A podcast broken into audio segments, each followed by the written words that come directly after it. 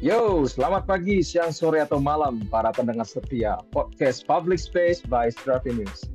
Nah, apa kabar nih semuanya? Nah, saya harap kawan-kawan pendengar senantiasa sehat walafiat dan selalu semangat menjalani hari-hari kalian. Apalagi beberapa waktu lalu kita baru saja merayakan Hari Kemerdekaan Republik Indonesia yang ke-78 tahun. Nah, bukan Strapi News namanya, kalau tidak mengundang sumber-sumber yang keren di podcast kami para pendengar yang sering main sosial media pasti sudah tidak asing nih dengan koalisi pejalan kaki atau yang sering disebut itu sebagai KOPK. Sesuai dengan judul podcast yang kalian baca, hari ini kita akan mencoba nih mengenal lebih jauh sebenarnya apa itu koalisi pejalan kaki. Nah, di sini saya sudah ditemani oleh teman-teman dari koalisi pejalan kaki atau KOPK. Di sini ada Bang Alfred dan juga Bang Abi. Nah, kita sapa dulu. Halo Bang Alfred dan Bang Abi. Halo, halo Mbak Made. Uh, halo, halo, halo. Teman-teman public Oke. Okay. Selamat pagi. Bang Alfred, bagaimana nih kabarnya Bang? Ya, baik, baik. Apa uh, agak sedikit serak ya uh, ini kondisi saat ini. Mungkin apa dampak polusi mungkin. Waduh, benar juga Bang. Ini belakangan ya. ini uh, lagi rame ya berita polusi Jakarta ya. Betul, betul. Oke, oke. Semoga cepat sehat kembali Bang. Cepat sehat sembuh nanti setelah ini. Amin. Amin, amin. Oke, untuk Bang Abi, gimana Bang kabarnya? Ya, ya baik kurang lebih sama lah kalau kondisi eksternal ya. Kalau pribadi ya alhamdulillah baik saja. Gitu sih. Oke, oke. Nah, kalau boleh tahu nih sebelumnya, Bang Alfred dan Bang Abi ini sebagai apa di Koalisi Pejalan Kaki atau KOPK? Iya, uh, kalau saya sendiri itu uh, salah satu dari tujuh pendiri KPK sebelumnya.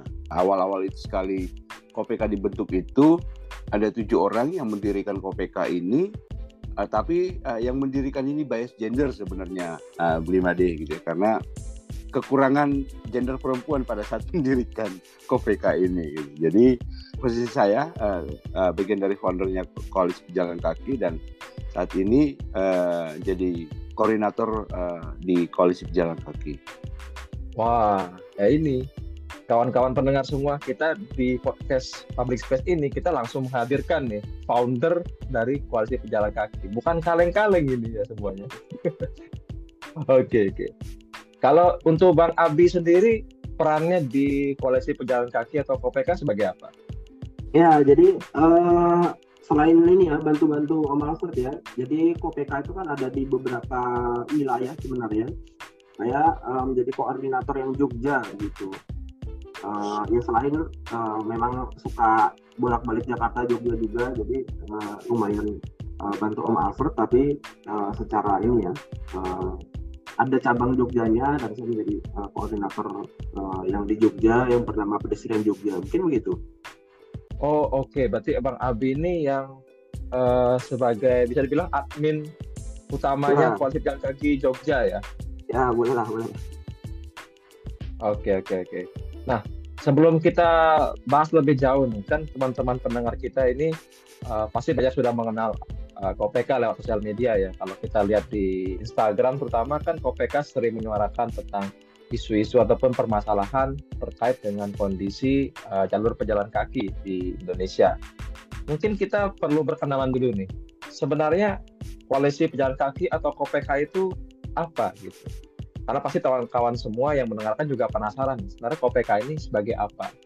Mungkin dari Bang Alfred atau Bang Abi bisa sedikit memperkenalkan apa itu KPK? Jadi gini, beli um, Ade koalisi pejalan kaki itu sebenarnya uh, kalau saat ini bisa disebut uh, komunitas, tim tank atau apa pun lah ya sebutannya gitu ya.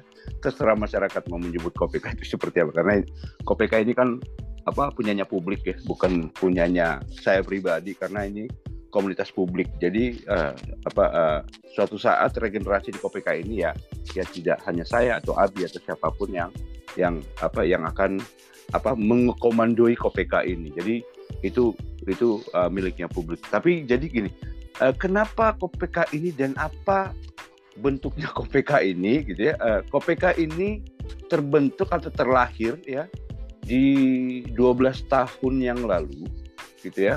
Uh, ini sebenarnya akibat keresahan gitu ya uh, dari para founder-foundernya koalisi pejalan kaki karena para foundernya koalisi pejalan kaki itu rata-rata mobilitasnya itu berjalan kaki yang di uh, mix dengan menggunakan angkutan umum hampir rata-rata. Jadi ketika kami kopi darat di salah satu uh, lembaga yang namanya KPBB uh, yang saat ini menjadi induk semangnya KPK gitu ya, itu uh, kita merasakan hal yang sama ketika mengakses jalur para pejalan kaki yaitu trotoar setelah menggunakan angkutan umum rasa-rasanya kita itu seperti bertaruh nyawa gitu ya. Karena uh, rata-rata tem para founder ini melihat bahwa ini tiap hari itu nyawa kita itu seakan-akan masih beruntung gitu ya.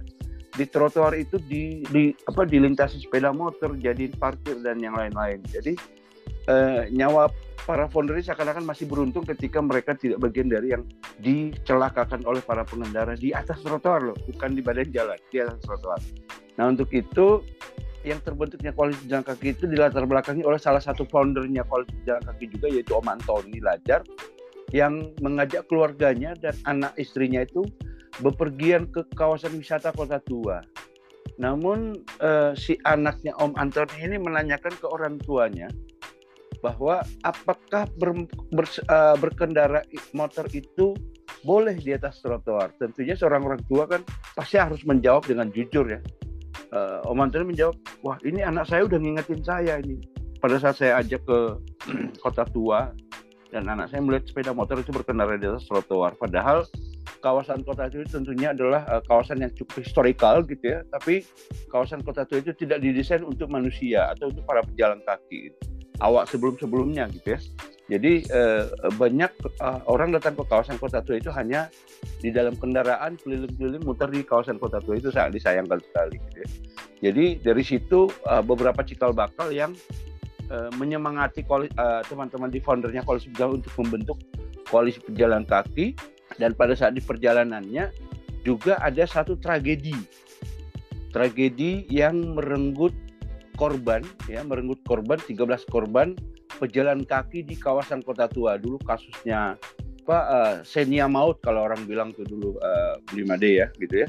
Salah seorang perempuan yang yang mengkonsumsi yang dinyatakan positif mengkonsumsi barang terlarang gitu ya uh, mengendarai uh, mobil dan menabrak para pejalan kaki di atas trotoar di kawasan Tugu Tani di mana korbannya itu 13 tapi yang meninggal dunia 9 pejalan kaki gitu. Tapi korbannya kan 13 uh, orang, namun yang meninggal dunia itu uh, 8 uh, tapi satu meninggal di rumah sakit gitu. Jadi 9 totalnya yang meninggal dunia. Nah, uh, terus ada seorang perempuan yang menghalau para pemotor di kolong semanggi memotivasi teman-teman oh ini harus harus dibentuk nih gitu Gitu. Bahkan sebagian dari foundernya koalisi jalan kaki ini sebenarnya adalah uh, orang-orang yang dulunya kalau beli Made tahu itu yang menginisiasi Car Free Day di Jakarta.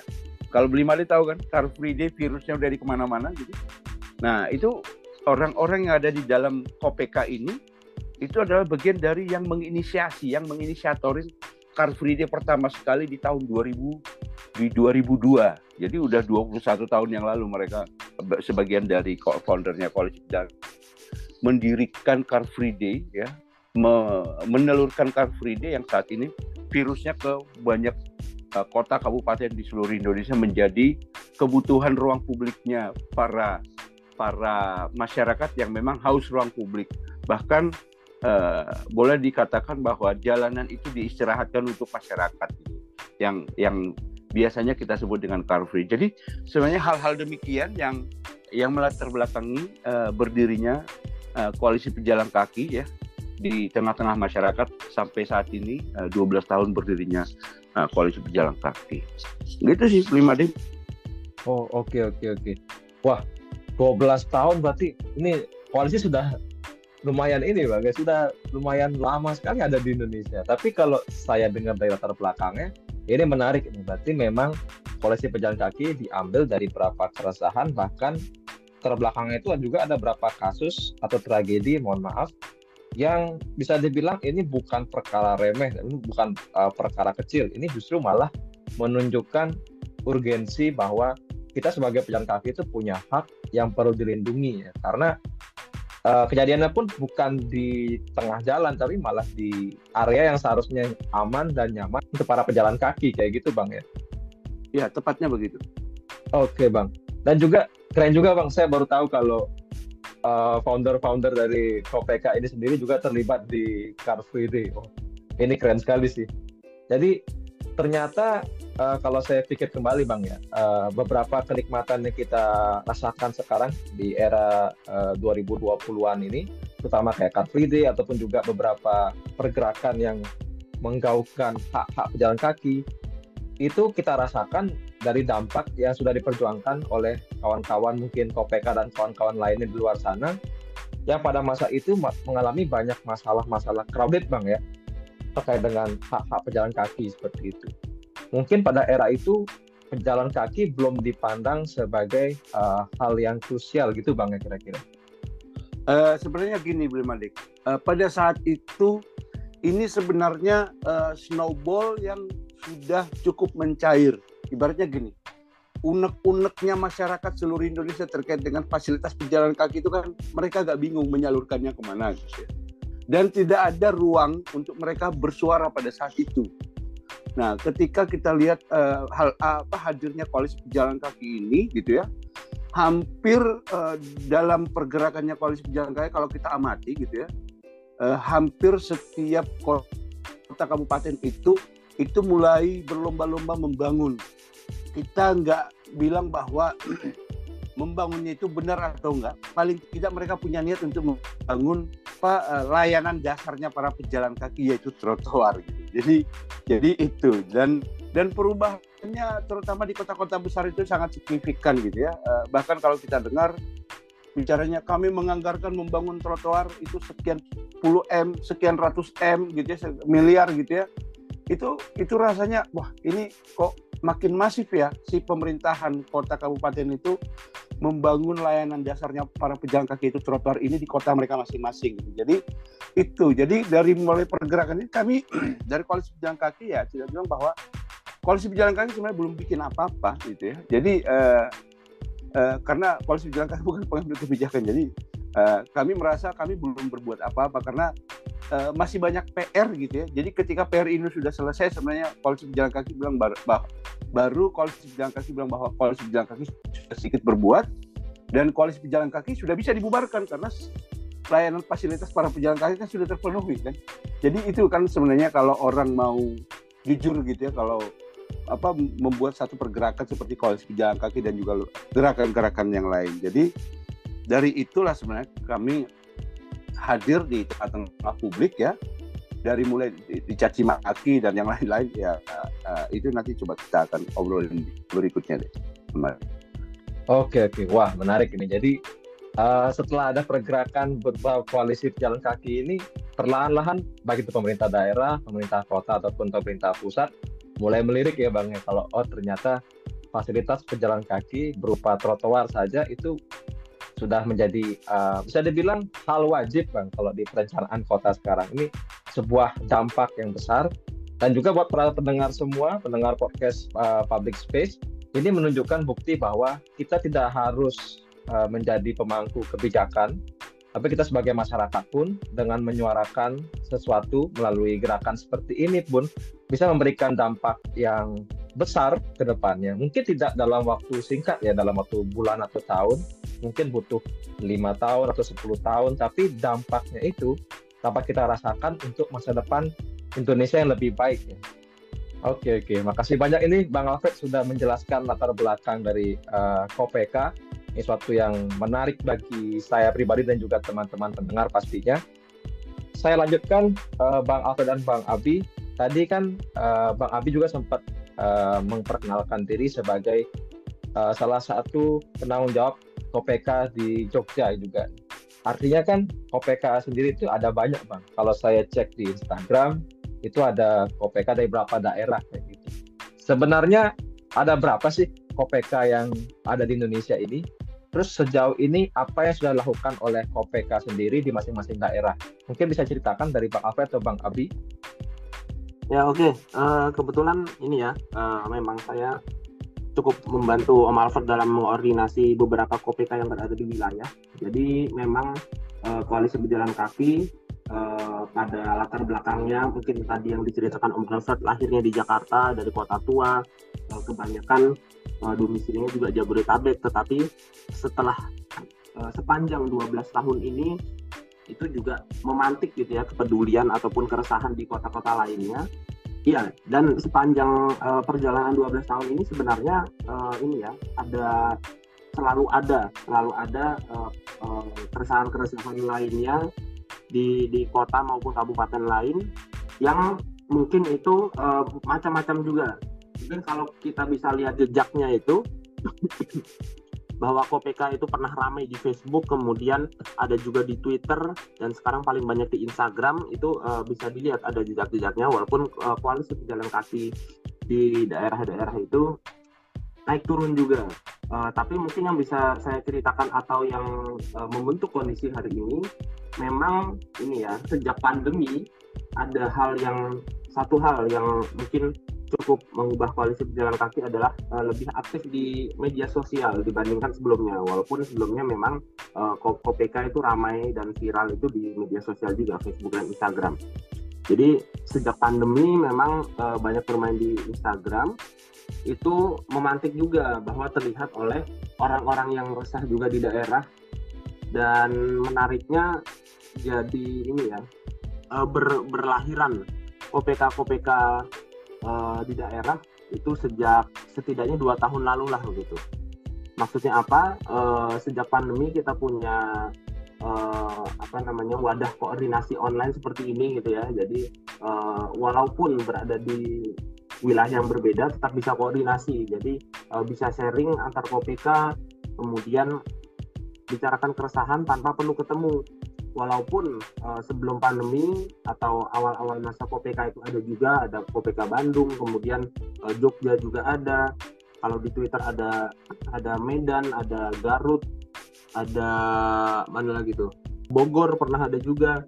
Hingga pada tahun ini uh, baru ya terakhir terakhir itu sudah ada 16 sebelumnya ada 12 uh, ya semoga semuanya nih ya ada di ada di Bekasi uh, ada di Depok sekarang, ada di Bandung, Jawa Tengah, ada di Semarang, kemudian Tegal, uh, kemudian ada Jogja saya, uh, terus ada Surabaya, ada Malang. Kalau di Sumatera sekarang ada Medan, di uh, Kalimantan ya uh, itu juga uh, breakthrough ada di Kalimantan, uh, di Pontianak juga ada yang tingkat uh, provinsi yaitu uh, Kalsel jadi tidak semua itu tingkat kota dan kabupaten, ada yang tingkat provinsi provinsi ini uh, Kalimantan Selatan. Kemudian ada uh, Makassar, Makassar dan yang paling jauh ada uh, Ambon. Itu sepertinya belum 16 ya, tapi oke, okay. ya itu titik-titik uh, terjauhnya itu. Oh ya ada Bandar Lampung juga. Nah mengenai KPK ini yang akhirnya kami sebut KPK wilayah begitu ya, karena macam-macam ada kota kabupaten, ada provinsi itu akhirnya memiliki uh, model yang macam-macam juga. Tergantung pegiatnya di daerah itu di wilayah itu itu memang uh, condong ke mana uh, gerakan aktivismenya atau uh, pergerakannya. Seperti bisa jadi ada suatu KPK yang uh, memang fokus ke akun edukasi. Uh, jadi memang pegiatnya itu uh, cukup concern dalam uh, desain kemudian bagaimana menyuarakan uh, via media sosial Kemudian ada juga pegiat di wilayah lainnya yang memang cukup dekat dengan beberapa pihak yang uh, bisa memengaruhi uh, kebijakan. Jadi banyak uh, advokasi walaupun tidak terlalu aktif di media sosial. Juga lain-lainnya. Ada juga membentuk mereka-nya uh, yang menjadi seperti komunitas begitu bagaimana uh, banyak bikin acara, banyak bikin acara jalan kaki ataupun diskusi begitu. Jadi macam-macam. Itu mungkin hal yang menarik uh, dari uh, berbagai macam uh, koalisi jalan kaki di wilayah uh, dan itu untuk uh, kondisi hari ini begitu ya. Dan itu mengingatkan kembali sebenarnya. Akhirnya uh, memang walaupun ada koordinasi di antara uh, KPK KPK wilayah ini memang ya, akhirnya dikembalikan. Satu sesuai konteks wilayahnya untuk bagaimana bergerak. Dua uh, sesuai uh, ya kemampuan pegiatnya untuk membentuknya menjadi seperti apa.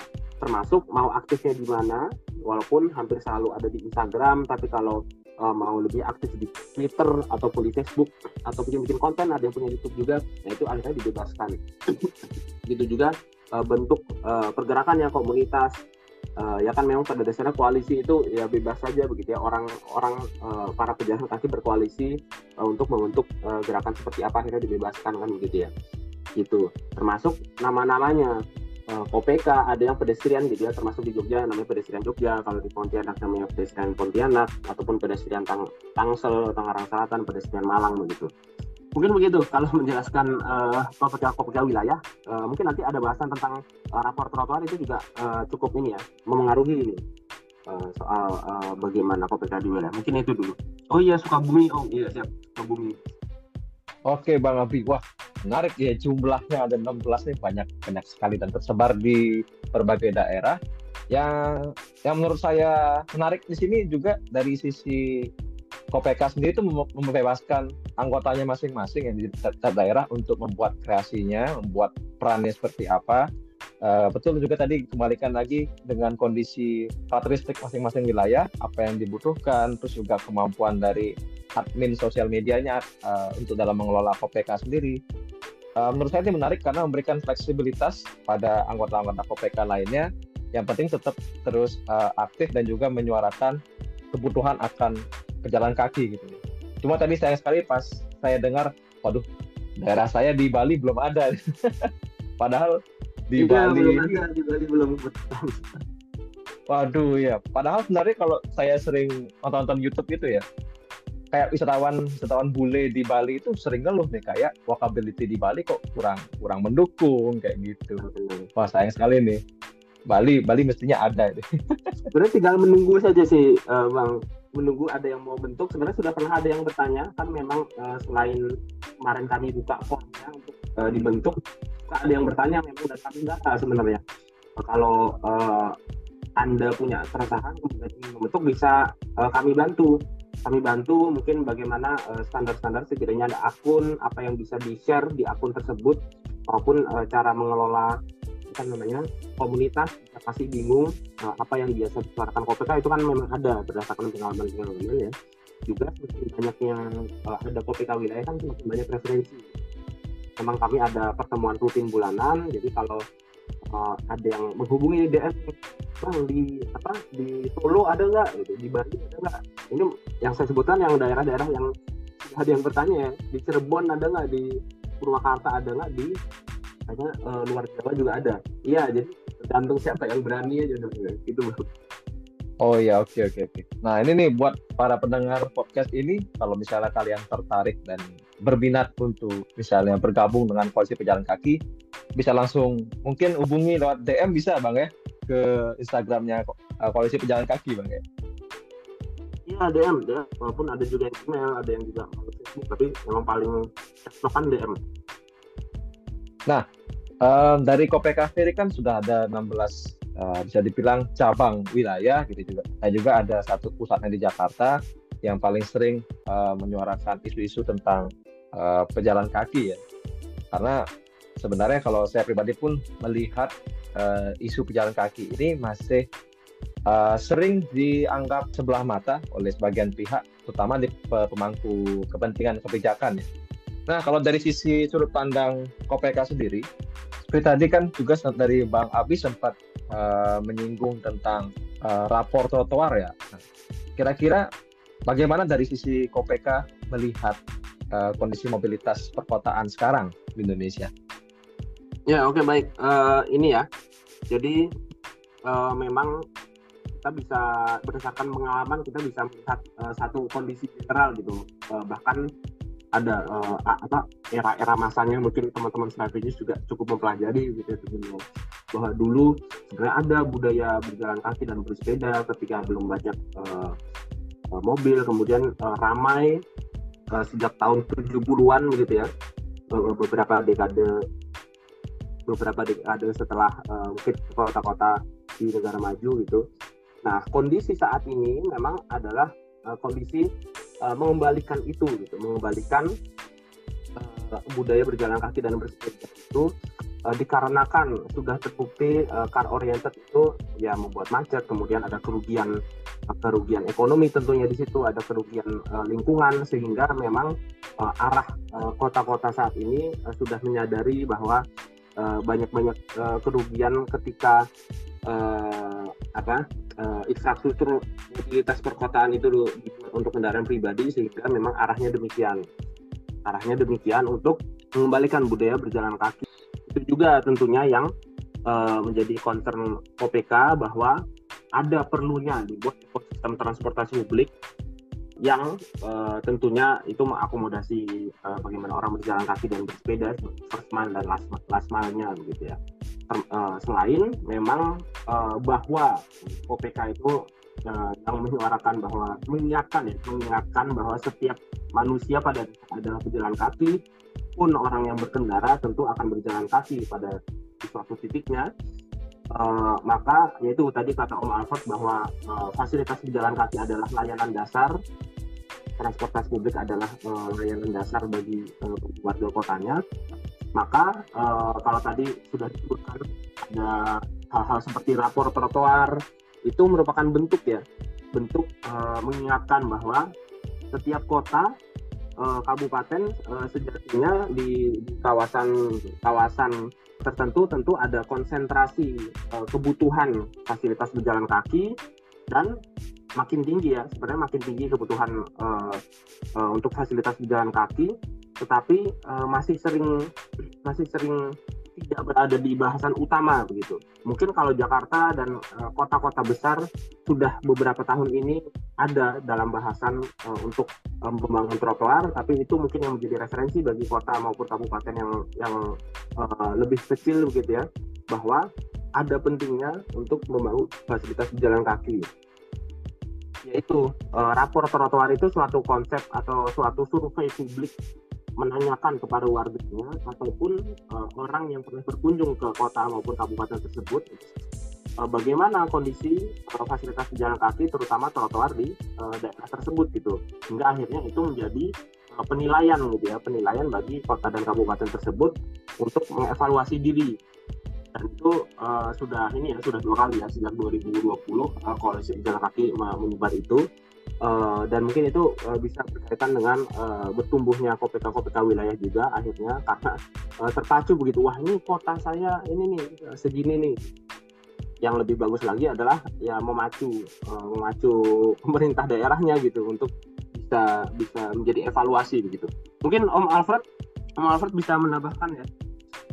Iya uh, Abi uh, terima kasih jadi gini, sebenarnya kan kalau koalisi pejalan kaki itu selalu bilang bahwa memandang trotoar itu sebagai peradaban uh, kota gitu ya. Jadi inilah sebenarnya yang yang koalisi pejalan kaki selalu uh, men, menyampaikan agar masyarakat yang tinggal di kota kabupatennya atau di mana pun itu melihat bahwa layanan ini sebenarnya menjadi layanan dasar kan, bagi semua orang bahkan bagi anda yang memiliki privilege kendaraan semahal apa pun tapi jangan lupa bahwa peradaban di kota Anda itu adalah identitas itu trotoar sebenarnya.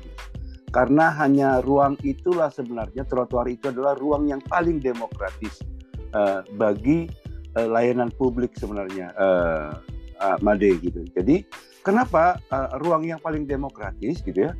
Karena memang uh, semua orang bisa berkumpul di sana dan itu trotoar itu tidak ada serata ekonomi yang ditunjukkan di sana. Tapi kalau Anda di jalan raya, ketika Anda sudah memiliki kendaraan supercar dan yang lain yang mahalnya minta ampun, seakan-akan itu kan sudah paling eksklusif dari kendaraan yang lain kan. Jadi kan terlihat ya bagaimana kompetisinya di jalan raya gitu ya. Baik itu kompetisi dari mulai sisi nilai kendaraan dan yang lain-lain, lifestyle. Tapi kan kalau Anda di atas trotoar, orang yang menggunakan sepatu yang harganya seperti Bang Hotman Paris yang harganya ratusan juta dengan saya yang menggunakan sendal jepit yang harga 15 ribu gitu itu kan sama-sama menggunakan fasilitas trotoar gitu. tapi itu kan uh, demokratis ya dan semua orang bisa berinteraksi di atas trotoar gitu. jadi di situlah sebenarnya uh, ruang publik ya public space yang paling demokratis itu ya adalah trotoar dan itu merupakan satu uh, apa uh, ruang publik yang untuk bermobilitasnya uh, masyarakat dan orang pun bisa saling sapa di sana Tapi kalau Anda berkendara, regulasinya menyatakan berkendara dengan konsentrasi penuh. Gitu. Jadi Anda itu tidak bisa mempunyai kesempatan untuk bercengkrama dan yang lain-lain pada saat Anda menunggangi kendaraan, gitu, mem, apa berkendara. Jadi uh, di situlah sebenarnya ketika kami melihat bahwa kami berharap bahwa masyarakat itu bisa memandang trotoar sebagai identitas peradaban gitu. Karena ya dengan trotoar itu sebenarnya kotanya bisa dilihat beradab atau tidak gitu Jadi kalau trotoar di, di satu kota kabupaten itu trotoarnya memang tidak terbangun ya, tidak terwujud ya kita bisa identifikasi bahwa kota kabupaten ini sebenarnya uh, tidak ada adab-adabnya gitu. Karena kan pelayanan publik gitu ya, ruang publik yang paling yang paling harus disediakan wajib disediakan itu sebenarnya kan layanan untuk manusia bukan untuk kendaraan. Jadi itu sebenarnya kalau kami melihat uh, dari sisi konteksnya ini. Nah, uh, yang menarik uh, Blimade uh, dari kok survei yang dua kali yang dilakukan oleh koalisi pejalan kaki itu akhirnya koalisi pejalan kaki jadi ketawa sebenarnya gitu ya. Jadi ketawa geli gitu ya. Ketawa geli tapi uh, plus bahagia sebenarnya ketika surveinya koalisi pejalan kaki itu dipublish ke publik gitu ya bahwa si kota kabupaten ini mendapat predikat merah oleh warganya bukan oleh koalisi pejalan kaki koalisi pejalan kaki hanya mengkolek eh, apa yang disampaikan oleh publik yang ada di kota kabupatennya melalui survei rapor trotoar ini. Yang terjadi apa di Made? Tolong jangan disensor gitu ya. Bahwa banyak kota kabupaten itu eksekutifnya itu berharap bahwa koalisi pejalan kaki apa meminta ke koalisi pejalan kaki surat rekomendasi bahwa mereka itu sudah mendapatkan rapor merah tadi dari hasil survei itu. Supaya si eksekutifnya ini bisa berantem bertarung di DPRD untuk minta anggaran pembangunan trotoar. Karena mereka tidak punya argumentasi ya. Karena trotoar itu bukan prioritas di setiap kota kabupaten masalahnya gitu. Karena eh, kalau kota kabupaten itu rata-rata bangun jalan bangun jalan bangun jalan perbaikan jalan perbaikan jalan tapi jarang sekali kami mendengar di legislatif itu mengucapkan kata trotoar pada saat sidang paripurna sidang pembahasan anggaran jarang tuh yang namanya trotoar itu terucap gitu. Jadi dari rapor trotoar ini pada saat di penganggaran di DPRD-nya kota masing-masing atau kabupaten itu sudah mulai nih muncul kata trotoar ini dibahas, diungkap gitu. Jadi jadi bagi kami kan sebenarnya ini entah itu nanti siapa yang mau menger yang mengerjakan proyek trotoarnya itu bagi kami itu tidak jadi soal siapa pun itu ya koalisi pejalan kaki itu bukan kontraktor gitu ya. Jadi eh, kami melihat bahwa ini ada satu effort yang bagus gitu ya. Satu perubahan yang bagus ketika di DPRD-nya, di legislatifnya itu wakil rakyatnya itu sudah mulai membahas kata trotoar, bukan membahas fasilitas pejalan kaki. Kalau fasilitas pejalan kaki kan banyak, tapi kata trotoar itu sudah mulai muncul. Itu tuh apa uh, yang menjadi uh, satu apa uh, kebanggaan koalisi pejalan kaki gitu ya dan saya uh, melihat bahwa gini banyak dinas-dinas terkait itu meminta ke koalisi pejalan Pak tolong dong surat rapor trotoar itu dikirimkan ke kami juga agar kami bisa bertarung berantem di DPRD untuk meminta anggaran pembangunan trotoar. Seperti itu, Blimadi. ternyata antusiasme dari masyarakat sendiri termasuk juga orang-orang yang mungkin ada di dalam mangku kepentingan pun sudah mulai ini ya sudah mulai naik ya tentang bahwa sebenarnya trotoar ini sebuah hal yang fundamental dan saya sih setuju dengan yang diucapkan sama uh, Bang Abi dan Bang Alfred terkait dengan bahwa kota itu bisa dikatakan beradab jika dia uh, memiliki trotoar. Saya setuju karena trotoar ini merupakan bentuk nyata dari inklusivitas kota bang jadi mohon maaf nih kalau anda anda semua yang mendengarkan ini jika tinggal di kota besar kalau trotoarnya belum ada jangan bangga dulu anda gitu. Jangan senang dulu kayak oh, saya tinggal di kota besar tapi mau jalan kaki susah mau nyebrang juga susah ya, ya buat apa gitu bang ya?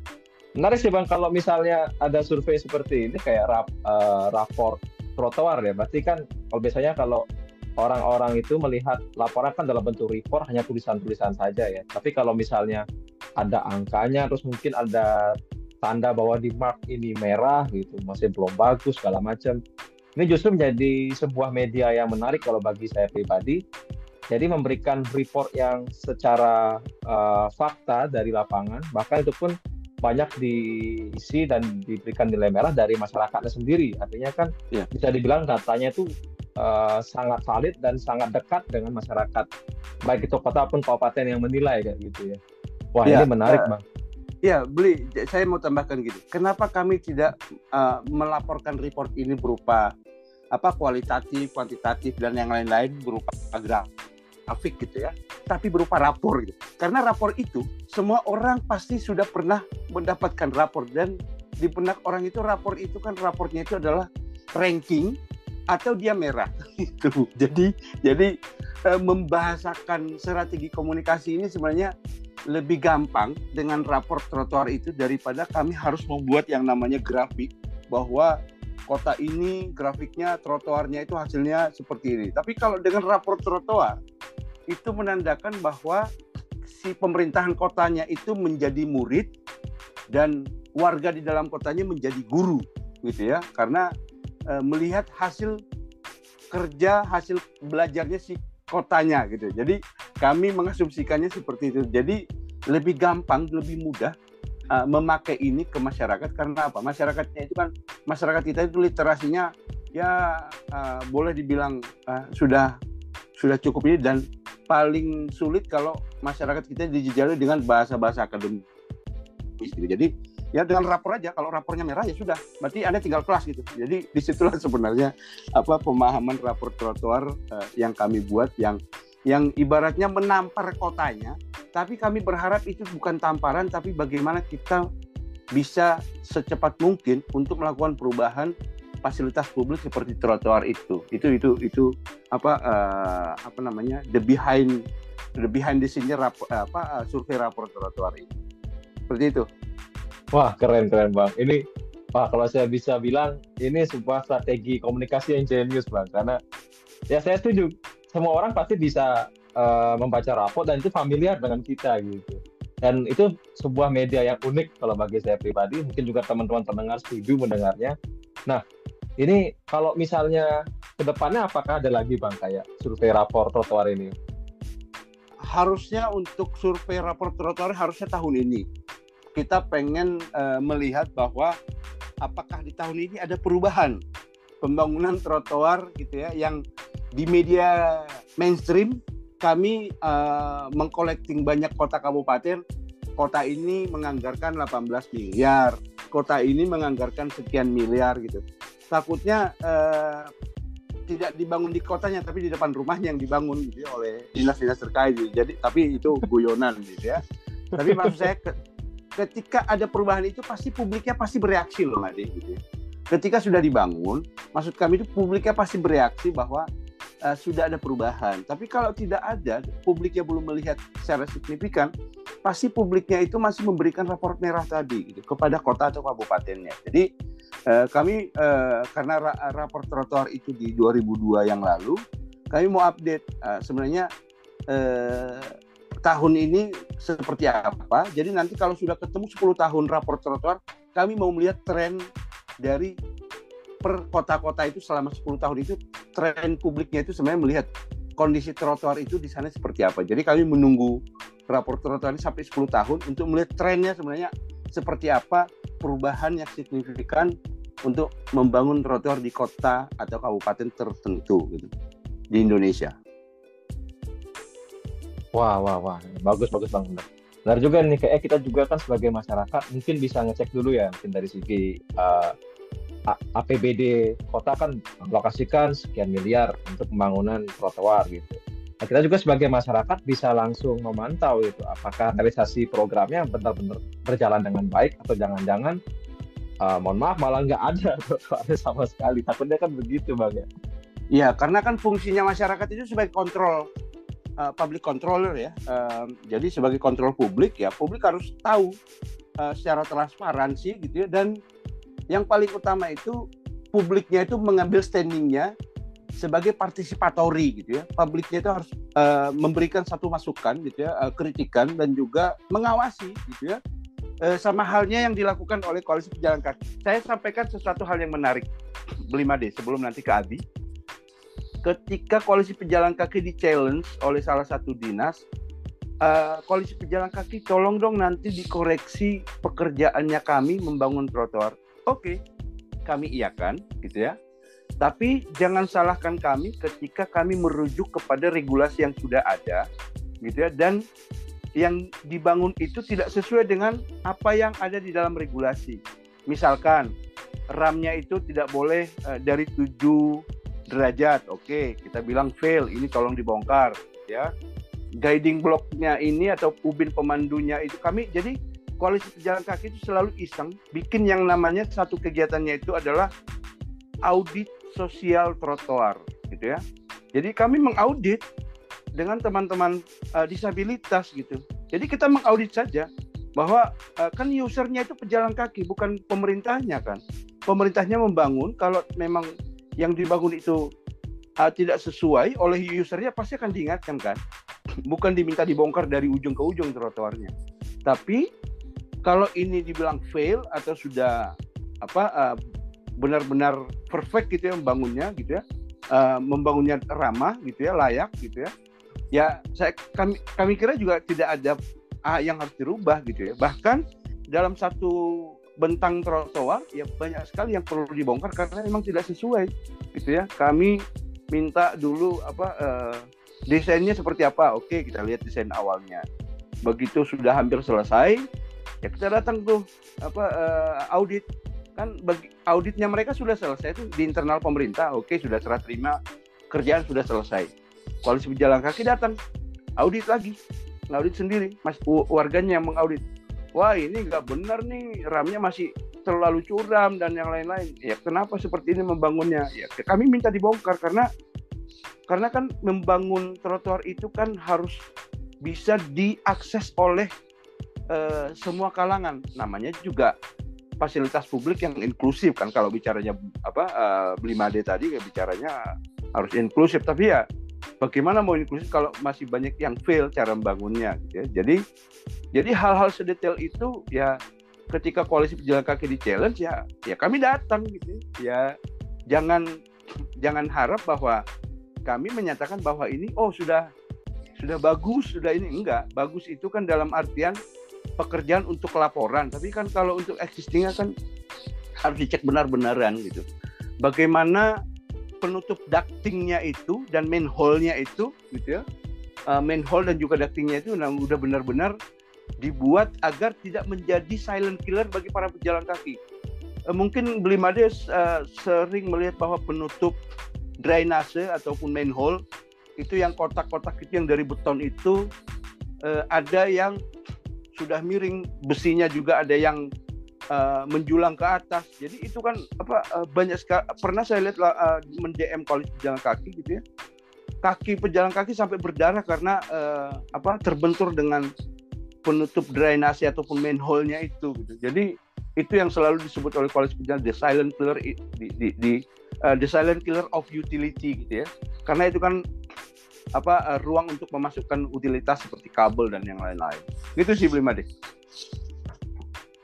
Oh iya benar-benar bang. Saya setuju bang. Kalau OPK uh, memiliki apa nilai yang idealis dalam menilai karena itu sangat diperlukan gitu ya. Kita nggak hanya bisa bilang kalau kalau sudah ada nih trotoar yang sudah dibangun, oke panjangnya sekian, terus remnya ada, oke remnya ada, terus nutup drainase tadi apakah sudah ada, sudah ada. Tapi kan kalau seandainya tidak dipasang dengan benar atau mungkin dibangun dengan sesuai standar atau prosedur yang seharusnya jatuhnya nanti malah membahayakan keselamatan para pejalan kaki. Kembali lagi ke safety tadi ya bang ya.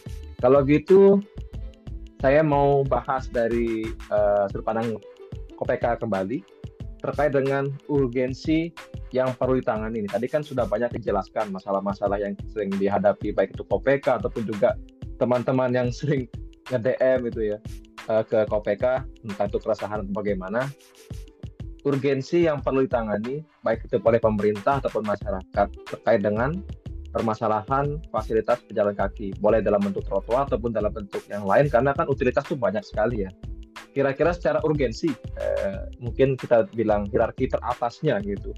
Apa sih yang perlu disiapkan oleh pemerintah dan masyarakat terkait dengan itu? Oke, uh, jadi gini, kalau terkait dengan isu yang sekarang ada di di uh, di tengah-tengah masyarakat gitu ya terkait dengan pelayanan fasilitas pejalan kaki se apa ur, urgensi paling ya jadi gini koalisi pejalan kaki melihat ada empat sebenarnya. Yang pertama itu adalah infrastruktur ya. Yang kedua itu adalah uh, sinkronisasi antar lembaga. Itu sangat rumit sekali. Yang ketiga adalah law enforcement gitu ya. Yang keempat itu adalah participatory itu tuh sebenarnya paling urgent itu sebenarnya ini. Tapi yang yang yang pertama itu sebenarnya uh, lebih kepada saat ini kami mau na menaikkan yang namanya uh, koordinasi antar lembaga itu di nomor tiga, tapi menaikkan law enforcement atau penegakan hukumnya di nomor dua. Karena yang pertama pasti uh, apa wujud uh, dasarnya ini dulu yang perlu harus dibangun yaitu infrastrukturnya. Uh, kita agak sulit ya bicara oh tolong dong law enforce gitu ya ternyata wujud infrastrukturnya nggak ada gitu ya. Terus kita mau sebut bahwa itu trotoar juga kan enggak karena apa uh, trotoar yang sebutannya trotoar itu karena dia sudah memang dia wujudnya ada dan uh, utility-nya ada uh, dan juga fasilitas lain juga ada di atasnya. Jadi itu baru kita uh, menyampaikan bahwa itu adalah trotoar yang benar-benar dibangun sesuai dengan regulasinya gitu ya. Dan selanjutnya adalah law enforcement-nya harus ada gitu. Karena gini, eh, ketika trotoar itu sudah dibangun, seakan-akan ini ada pembiaran yang sistematis gitu ya bahwa bahwa sudah itu nanti ranahnya Pemda setempat gitu. Padahal kan berkendara itu ranahnya lalu lintas gitu. Jadi tidak ada cerita bahwa trotoar itu bukan bagian dari jalan raya. Undang-undangnya menyatakan demikian sebenarnya. Jadi inilah sebenarnya ketika law enforcement ini lemah gitu ya hadir ya sudah koalisi pejalan kaki itu pasti akan suffer gitu pasti akan menderita gitu jadi sebisa mungkin penegakan hukum itu nomor dua terus koordinasi antar lembaga dan juga dinas kementerian dan yang lain terkait dengan apa uh, kepentingan di bawah dan di atas trotoar itu sangat jelimet dan yang terakhir itu adalah publik publik partisipatorinya gitu. Kalau publiknya tidak merasa mereka dilibatkan ya ya ruang publik seperti trotoar itu ya mau dipakai siapa pun ya publiknya yang merasa cuek saja kan. Karena dari awal publiknya tidak diajak. Ini kita mau bangun fasilitas publik.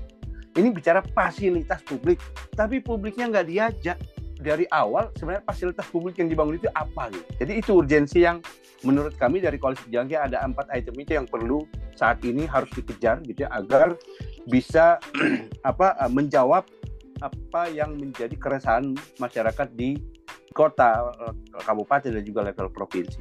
Jadi itu Made. Oh iya iya bang, hmm, benar juga sih ya. Itu uh, beberapa hal yang harus diperhatikan karena kalau isu mobilitas kita bisa bicara ini mobilitas karena termasuk pejalan kaki itu bagian dari mobilitas kota gitu.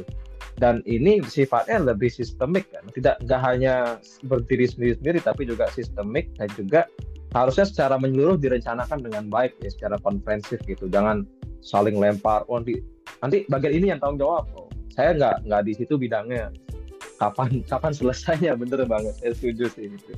Oke deh kalau dari bang Abi ada tambahan bang terkait dengan urgensi yang perlu kita tangani nih untuk permasalahan fasilitas jalan kaki? Ya mungkin uh, mengenai mereka uh, butuhnya uh, kondisi ya kondisi uh, fasilitas pejalan kaki hari ininya.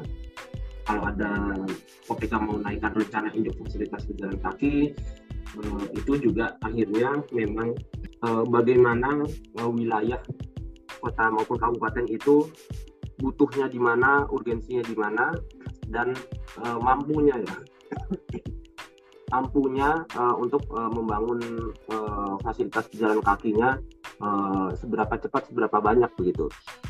Tapi satu hal yang satu hal yang uh, selalu uh, tidak berubah ya tentunya uh, ketika uh, kota maupun kabupaten tersebut uh, ya semakin ramai tentunya kebutuhan untuk adanya berjalan kaki uh, di mana ada kawasan-kawasan uh, konsentrasi volume pejalan kakinya tinggi ya di situ ada kebutuhan untuk membangun fasilitas pejalan kaki begitu. Yang membuat uh, sebenarnya setiap kota maupun kabupaten tentunya ada kebutuhan untuk membangun uh, fasilitas pejalan kaki. Mungkin tadi kalau uh, disebutkan Om ada aspek-aspek itu tentunya ya bahwa uh, untuk uh, membangun ekosistem itu um, atau mendorong budaya berjalan kaki tidak hanya satu aspek walaupun yang paling utama tentunya ya layanan dasar itu bahwa uh, berjalan kaki eh, pejalan kaki itu akan berjalan di mana ya tentunya di trotoar gitu kan. Maka itu satu hal sebelum aspek-aspek lainnya yang juga mendukung ekosistem budaya berjalan kaki itu gitu. Apa pun itu ya kalau memang sudah apa konteksnya kota sudah ramai kemudian butuh uh, ekosistem transportasi publik ataupun kota-kota uh, yang lebih kecil uh, yang aspek-aspeknya mungkin berbeda bagaimana uh, mendorong uh, orang untuk uh, membentuk budaya berjalan kaki ya akhirnya itu menjadi aspek-aspek uh, lainnya. Ya pengalaman di di kota besar mungkin uh, lebih banyak uh, trotoar yang uh, direvitalisasi tetapi banyak banyak uh, PR untuk penegakan hukumnya karena mungkin masih uh, disalahgunakan uh, maupun banyak parkir uh, di trotoar. Nah itu uh, memang selalu menjadi apa menjadi waktu KPK mengingatkan kembali mengingatkan kembali mengenai uh, bahwa penegakan hukum itu harus uh, rutin gitu ya bukan musiman gitu. Juga aspek-aspek lainnya yang tentu uh, juga penting itu untuk untuk mendukung itu ya akhirnya kalau uh, KPK bilang uh, ini ya kita bisa selalu melihat jalan panjang untuk menuju suatu kota atau kabupaten apa ajak dan ranah lagi berjalan kaki tapi ya bisa kita lihat tahap kota dan kabupaten itu uh, sampai mana pada apa yang perlu ditingkatkan. Oke bang, benar juga ya kalau uh, kita berbicara tentang pejalan kaki ini sebenarnya bisa dibilang suatu bentuk budaya ya dan dalam membangun budaya atau ekosistem itu butuh waktu untuk proses dan Bagus juga tadi dari uh, Bang Abi dan juga Bang Alfred sempat menyinggung tentang rencana induk atau bisa kita bilang master plan-nya untuk perencanaan uh, fasilitas pejalan kaki, ya, terutama trotoar juga. Soalnya juga gak jarang juga sih kita ngelihat kayak trotoar dipakai untuk uh, PKL, untuk PKL berdagang, terus dipakai untuk uh, parkir, parkir on street dan segala macam. Bahkan juga kalau saya pribadi pernah ngalamin lagi jalan kaki ini di suatu kota besar terus tiba-tiba dari arah berlawanan ada motor yang naik trotoar malah lebih galak motornya. Padahal kan saya yang jalan ya kenapa malah dia yang lebih galak? Dan ini benar juga tadi perlu ada penegasan uh, terkait dengan uh, hukumnya penindakan hukum. Ini nggak boleh dilakukan uh, hanya hanya di waktu tertentu saja tapi harusnya dilakukan secara berkala dan pengawasannya pun harus ketat. Saya setuju dengan itu oke Um, dari Bang Alfred atau Bang Abi sendiri, kira-kira ada nggak pengalaman pribadi atau mungkin uh, tantangan, baik itu uh, pengalaman pribadi ataupun dari DM DM dari uh, teman-teman KPK yang pernah dihadapi berkaitan dengan uh, fasilitas pejalan kaki ini? Bisa diceritakan mungkin sedikit?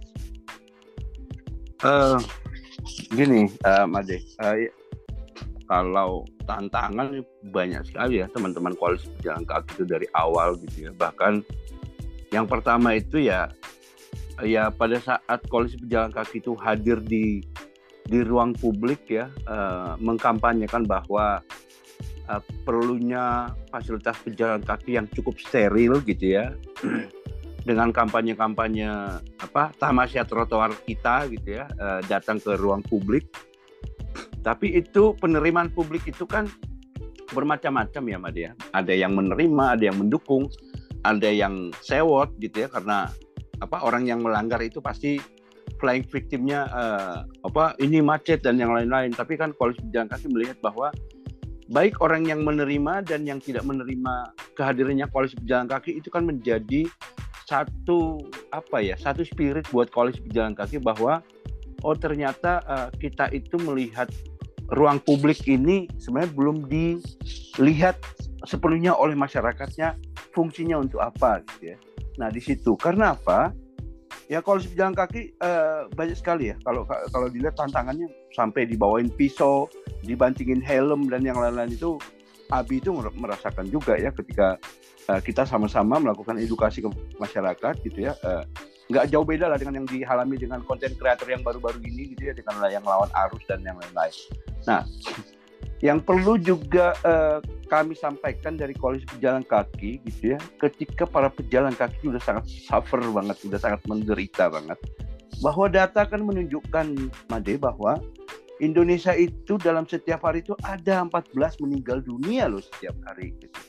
Jadi itu juga sudah menurun dat, uh, dari data yang sebelumnya adalah 18 pejalan kaki meninggal setiap hari di Indonesia itu.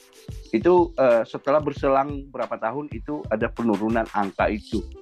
Jadi sebenarnya uh, kita bisa melihat bahwa ketika ruang pejalan kaki ini terokupansi secara brutal oleh fungsi-fungsi yang lain, ya di situlah sebenarnya para pejalan kaki sudah harus mulai banyak berdoa gitu ya, karena e, nyawanya pejalan kaki itu sudah terancam sebenarnya. Dan di situlah sebenarnya dengan munculnya angka ini ya kita sangat prihatin gitu ya. Dan dan mungkin saya Anda saudara Anda keluarga Anda itu bisa mengalami itu atau menjadi angka di dalam kematian pejalan kaki itu. Karena kita tidak tahu kan ketika kita berjalan kaki dengan aman di atas trotoar ternyata ada yang mengokupansi gitu ada yang menabrak.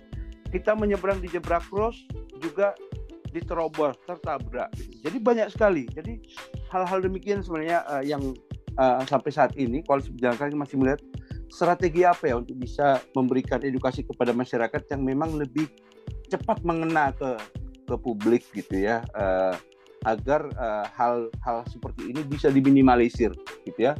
Minimal untuk data tahun ini mungkin uh, mungkin data yang 2022 eh 2022 yang la, uh, tahun lalu bahkan angka kematiannya itu pada saat press conference-nya uh, Pak Erick Thohir gitu ya uh, menyatakan bahwa ada kenaikan nih angka kematian di jalan raya jadi 37 ribu uh, tahun yang lalu gitu. Jadi itu sangat sangat ini ya dan dan di 37 ribu itu itu sebagiannya pejalan kaki masalahnya. Jadi itu yang kami lihat dari proses tantangan yang saat ini yang dihadapi oleh uh, koalisi pejalan kaki melihat fasilitas para pejalan kaki. Mungkin Abi bisa menambahkan. Uh, ya mungkin sedikit saja karena kalau bicara uh, tantangan hambatan di lapangan maupun uh, sehari-hari itu bisa panjang sekali ya apalagi dengan perjalanan KPK yang mungkin sudah agak lama gitu. Uh, satu mungkin kalau uh, ada pengalaman juga ada yang berbarengan dengan Om Alfred gitu ya di lapangan di trotoar maupun yang saya sendiri saya sendiri ada saja gitu misalnya mencegat motor di trotoar kemudian ya sedikit kelindes lah dengan rodanya itu ya uh, walaupun cuma sedikit gitu ya maupun uh, ketika menyeberang ada aja gitu uh, ya kejadian seperti itu gitu. Ya kalau kalau diceritakan mungkin agak agak banyak juga. Uh, tapi uh, selain itu uh, bahwa orang-orang uh, KPK itu akhirnya menyadari bahwa narasi ini itu tidak populer gitu. Dulu lebih tidak populer tapi tetap saja. Maksudnya hari ini bukan narasi mainstream uh, mungkin sesederhana ini ya. Bahwa uh, satu satu aspek yang uh, senantiasa saya uh, saya pribadi ini ya uh, uh, perjuangan adalah uh, pejalan kaki diprioritaskan ketika menyeberang. Karena uh, sehari-hari saya selalu bawa uh, poster A4 gitu ya karena bisa dibawa di tas. Itu uh, ini logo logo menyeberang bahwa ketika saya menyeberang saya selalu uh, bentangkan uh, poster itu uh, agar terlihat uh, bagi kendaraan. Dan saya uh, tentu uh, menyetop kendaraan itu uh, mungkin seberapa pun kencang uh, kendaraan itu gitu. Nah itu sa satu narasi narasi sederhana yang uh, sangat tidak populer gitu bahwa kendaraan itu uh, hendaknya uh, memprioritaskan pejalan kaki yang hendak menyeberang gitu. Nah itu uh, hal yang uh, selalu perlu disadari bahwa setiap kali saya menyeberang bahwa orang Indonesia uh, itu uh, belum menyadari menyilakan lebih dahulu pejalan kaki untuk menyeberang yang selalu membersamai membersamai apa namanya yang diperjuangkan uh, uh, KPK gitu bahwa uh, prioritas menyeberang. Lain-lainnya tentu juga gitu ya bahwa tentunya lebih parah lagi ketika uh, motor uh, trotoar sudah diingatkan uh, malah dia yang marah misalnya. Uh, ataupun hal-hal lainnya yang mungkin uh, terlihat sepele tapi sebenarnya itu uh, berpikiran uh, ini ya car oriented uh, antitesis dari hal-hal uh, pedestrian oriented people oriented dalam uh, infrastruktur kota gitu. Nah, sepanjang sepanjang perjalanan ini memang menyadari bahwa e, narasi ini bukan narasi mainstream sehingga memang yang yang yang selalu disuarakan gitu terkait uh, akhirnya apa saja aspek indikator uh, yang menjadikan uh, narasi ini tidak car oriented gitu uh, untuk pembangunan infrastruktur maupun uh, perilaku berkendara begitu ya. Uh, ya hal-hal seperti itu dan kalau itu menjadi tantangan tentunya itu menjadi uh, tantangan sepanjang perjalanan gitu ya. Uh, kadang mungkin uh, dinikmati saja gitu. Uh, ya dinikmati saja karena memang selalu terjadi gitu. Uh, even di pembicaraan-pembicaraan sehari-hari gitu. Uh, apakah uh, tidak beda gitu? Uh, terlihat beda karena uh, kenapa ini ada uh, aktivis pejalan kaki nih di antara uh, yang yang lain biasanya ya sudahlah motoran begitu ya tentu itu menjadi menjadi hal yang mencolok juga. Selain selain ya sudah bahwa uh, di ling di lingkaran komunitas gitu ada bahwa uh, ini satu uh, komunitas berjalan kaki yang wah ternyata ada ya uh, yang yang menerapkan hak berjalan kaki dan uh, banyak yang menyadari juga oh ternyata benar gitu ya. Tapi ya jalan masih panjang lah untuk itu dan itu selalu menjadi tantangan. Mungkin itu. Iya uh, beli saya mau menambahkan satu tantangan yang sampai saat ini bahkan ketika uh, saya sering sekali merenung tantangan ini dan belum ada yang bisa menjawab. Baik itu berkali-kali saya tanya di beberapa institusi ya uh, belum belum ada yang bisa menjawab uh, keresahan dan juga tantangan ini sebenarnya.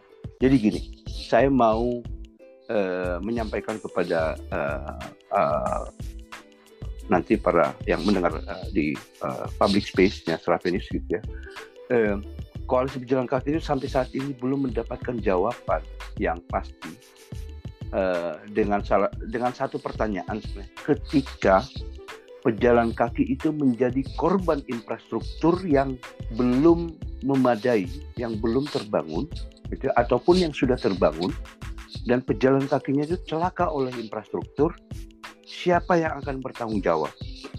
Secara sistem loh yang bertanggung jawab ya. Kalau pribadi-pribadi pemangku kepentingannya itu salah satu kasusnya dulu di Bandung ada ekspatriat gitu ya atau warga negara asing terjeblos gitu ya, terjerembab gitu ya atau apa kakinya nyungsep di di trotoar yang ada uh, selokannya gitu atau drainasenya yang tidak tertutup gitu ya. Itu berobat dan sampai sembuh itu ditanggung oleh salah satu wali kotanya dulu itu Kang Emil gitu ya. Tapi kan itu pribadinya Kang Emil, bukan secara sistematis atau secara sistem oleh negara kita. Nah, dan ini kan sebenarnya banyak terjadi ketika para pejalan kaki itu tersangkut utilitas di atas trotoar. Ada juga pejalan kaki yang tersetrum di JPO karena utilitas listriknya menyentuh uh, railingnya JPO gitu ya. Banyak pejalan kaki yang jatuh akibat salah memilih material. Akibatnya pejalan kaki harus masuk ke rumah sakit. Jadi sampai saat ini tantangan itu belum ada yang bisa menjawab sebenarnya. Kalau di kendaraan kan beli made kalau ada kejadian kecelakaan ada yang namanya jasa raharja menanggung santunan para pengendara gitu tapi yang untuk para pejalan kaki siapa ya yang harus bertanggung jawab ketika para pejalan kaki itu celaka akibat dari infrastruktur. Kalau pejalan kaki terlibat kecelakaan pasti jasa raja mengcover juga. Tapi kan ini jasa raja tidak bisa mengcover pejalan kaki itu apa menjadi korban akibat dari infrastruktur karena ini cukup masif loh korbannya. Itu tuh lima yang mau saya tambahkan karena ini sangat urgent sebenarnya. Dan sampai saat ini sudah lima tahun saya tunggu belum ada yang bisa jawab. Oke oke wah banyak sekali ternyata ya tantangan yang yang masih kita hadapi terkait dengan macet jalan kaki ini ya.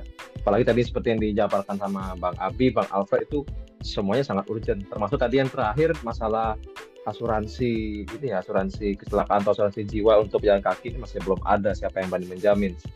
Nah semoga dengan podcast kita ya hari ini eh, Bang Abi dan Bang Alfred bisa menjadi media edukasi ya untuk teman-teman pendengar juga juga nanti untuk teman-teman pendengar mungkin bisa mendengarkan dari awal sampai akhir podcast ini. Lalu juga jika ingin men-share silahkan di-share entah itu di sosial medianya baik itu Instagram, TikTok ataupun sosial media lainnya. Semoga nanti juga uh, pesan-pesan ini bisa sampai mungkin ke telinga para pemangku kebijakan. Apalagi kan kita sekarang sudah mulai masuk nih tahun-tahun panas pemilu ya. Siapa tahu ini bisa jadi sebuah input uh, input untuk uh, para pemangku kebijakan mulai aware bahwa sebenarnya uh, pengadaan dan perlindungan terhadap pejalan kaki ini sangat krusial, sangat esensial dan ini butuh uh, dinaikkan untuk Indonesia yang lebih baik ke depannya. Semoga saja nanti dari teman-teman yang mendengarkan podcast ini bisa lebih proaktif juga untuk lebih bijak dalam menggunakan uh, fasilitas publik dan juga untuk lebih uh, proaktif untuk men-share hasil diskusi kita di podcast ini. Semoga ke depannya bisa memberikan dampak yang signifikan ya terhadap kemajuan kota-kota ataupun daerah-daerah lainnya seperti itu. Oke, uh, pertanyaan saya terakhir dari uh, Slavinus untuk Bang Alfred atau Bang Abi. Nah, kira-kira cita-cita yang ingin dicapai oleh KPK itu apa sebenarnya? Eh, sebenarnya gini, kalau ditanya cita-citanya apa, dari awal pejalan koalisi pejalan kaki itu sudah ngomong bahwa kami akan merebut kembali ruang-ruangnya para pejalan kaki. Itu yang pertama itu paling basic. Gitu. Jadi eh, hadirnya koalisi pejalan kaki di tengah-tengah publik ya sebenarnya. Yang pertama itu ya misinya itu merebut kembali. Para pejalan kaki itu ya harus merebut kembali apa uh, uh, ruangnya ya uh, untuk bisa uh, difungsikan kembali utamanya itu untuk para pejalan kaki. Jadi itu. Yang selebihnya adalah uh, uh, mendorong ya kota kabupaten agar membuat yang namanya cita-cita yang kami masih tertunda ini ya, membuat yang namanya rencana dokumen rencana induk uh, fasilitas pejalan kaki atau rencana induk trotoar karena apa itu sangat sangat baik untuk si kota kabupaten yang memiliki keterbatasan APBD. Jadi kita tahu skala prioritas yang mana akan dibangun dengan kajian di lokasi titik mana jalan yang akan dibangun dengan volume pejalan kaki yang cukup intensif di satu jalan tertentu. Jadi eh, satu kota itu dipetain jalan-jalan mana saja gitu ya yang yang akan dibangun dan dicari yang skala prioritasnya mana dengan kajian-kajian jumlah volume pejalan kaki atau pedestrian trafficnya itu paling banyak di, uh, di satu titik itu. Jadi itu sebenarnya yang berikutnya itu ya kami berharap ya dengan adanya rapor trotoar ini si para apa uh, pemangku kepentingan di kota kabupaten itu bisa merevolusi secara cepat gitu ya fasilitas layanan para pejalan kaki di kota kabupaten atau di provinsinya masing-masing agar kota kabupatennya itu bisa beradab gitu ya. itu itu merupakan cita-citanya koalisi pejalan kaki ya dan kami juga uh, berharap law enforcement gitu ya, dan dan juga uh, yang terakhir sangat kami harapkan adalah partisipatori dari masyarakat gitu tanpa partisipatori dari masyarakat fasilitas umum apa pun itu uh, tidak akan berarti apa-apa ketika masyarakatnya tidak merasa memiliki. Saya kira itu. Mungkin Abi. Ya, saja. Mungkin kalau merangkum ya koalisi berjalan kaki yang hendak mendorong atau uh, mengajak masyarakat membudayakan berjalan kaki sangat banyak dan bisa jadi sangat kompleks ya. OPK selalu bilang uh, ini masih menjadi jalan panjang di kota maupun kabupaten mana pun untuk akhirnya uh, bisa merebut kembali itu hak-hak itu uh, ruang ya ruang-ruang uh, kota untuk uh, berjalan kaki hingga akhirnya tercapailah itu uh, budaya berjalan kaki yang menjadi uh, tujuan panjang OPK. Mungkin itu saja sih. Wah, keren sekali ini impian dan harapan dari KPK sendiri merebut kembali ruang-ruang kota dan hak para pejalan kaki. Mantap, perjuangkan terus untuk Bang Alfred dan Bang Abi. Nah, teman-teman pendengar juga, uh, tadi seperti yang disampaikan sama Bang Alfred dan Bang Abi, uh, dari KPK sendiri juga berharap adanya uh, partisipatori atau partisipasi dari kita, para pendengar podcast dan juga masyarakat uh, kota ataupun daerah, untuk bisa turut serta dalam entah itu bisa dalam bentuk pengambilan kebijakan, entah itu dalam bentuk suara ataupun juga dalam bentuk setidaknya mengerti bahwa sebenarnya urgensi dari fasilitas pejalan kaki ini ada dan nyata gitu. Jadi ini bukan masa, masa masalah yang perlu kita selesaikan secara bersama. Jadi nggak hanya perintah saja yang harus uh, bertindak atau KPK saja yang bertindak, ya tidak bisa seperti itu. Tapi juga kita sebagai masyarakat juga harus punya andil di dalam sana. Minimal ya nggak naik motor ke trotoar lah gitu. Kalau masih ada nanti yang mendengar podcast ini naik motor ke atas trotoar kita tempeleng aja kayak gitu. Baik, terima kasih banyak ini uh, saya ucapkan untuk Bang Alfred dan juga Bang Abi atas waktunya sudah mau bergabung dan berbincang-bincang nih. Seru sekali perbincangan kita kali ini terkait dengan KPK dan juga tantangan yang dialami untuk fasilitas pejalan kaki. Mungkin uh, teman-teman pendengar podcast juga ada ini bang yang ingin memfollow sosial media dari KPK sendiri ataupun juga siapa tahu dari KPK ada acara yang bisa diikutin nih sama para pendengar podcast. Mungkin gimana dari Bang Alfred sama Bang Abi, mereka harus follow di mana? Ya, uh, bisa melihat KPK di mana saja. Jadi uh, tentunya di Instagram ya ada jalan kaki. Kemudian masih ada di Facebook juga koalisi pejalan kaki bisa dilihat di Twitter. Kemudian KPK juga punya uh, YouTube ada berbagai video yang mungkin berkaitan dengan aktivitas KPK terutama ketika di di lapangan ya di trotoar ada koalisi pejalan kaki bisa dicari juga.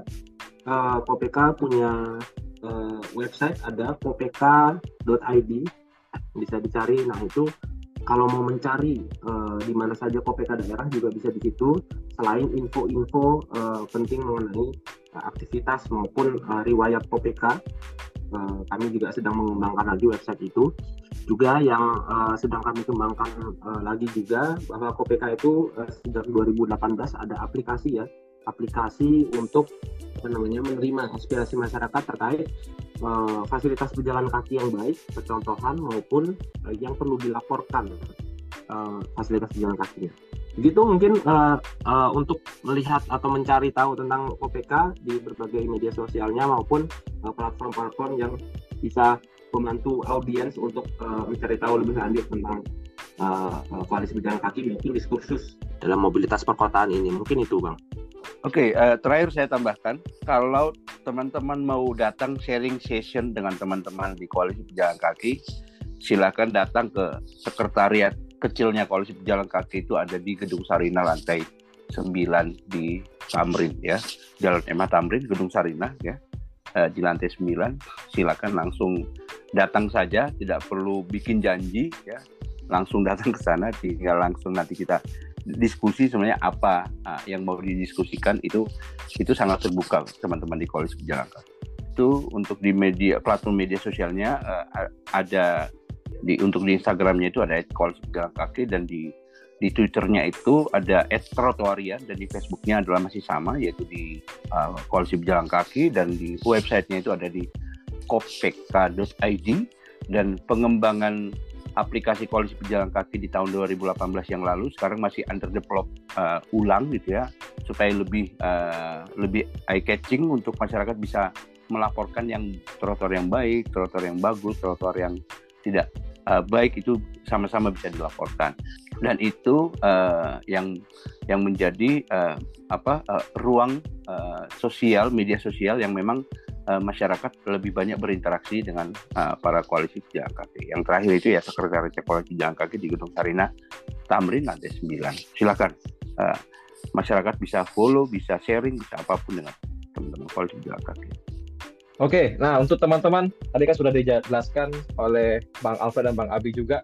Untuk kalian mungkin bisa yang kepo nih dengan koalisi pejalan kaki bisa follow langsung tadi. Ada Instagramnya, ada Twitternya, ada Facebooknya, terus ada website, ada YouTube, dan juga tadi nih kalau misalnya ada yang mau diskusi ataupun menceritakan uh, isu-isu uh, terkait dengan permasalahan pejalan kaki, bisa langsung datang ke sekretariat dari KPK dan itu pun diberikan kebebasan di sana silakan sharing. Tidak perlu takut tidak perlu kaku semuanya santai di forum itu. Baik terima kasih banyak ini sekali lagi untuk Bang Alfred dan Bang Abi sudah mau diskusi. Nah untuk teman-teman semua uh, saya ucapkan juga terima kasih. Para pendengar semua yang sudah mendengarkan dari awal sampai akhir seluruh percakapan kita. Semoga senantiasa episode kali ini memberikan dampak yang signifikan untuk ke depannya. Semoga juga bisa menjadi media edukasi dan menjadi media suara untuk kita sama-sama uh, meningkatkan kualitas pelayanan uh, fasilitas pejalan kaki, fasilitas publik yang ada di kota-kota masing-masing. Dan juga semoga podcast ini bisa kalian share dan sampai ke telinga para pemangku kebijakan. Jangan lupa juga follow terus Instagram kami di @stravenews. Kami juga ada di LinkedIn, bisa kalian follow.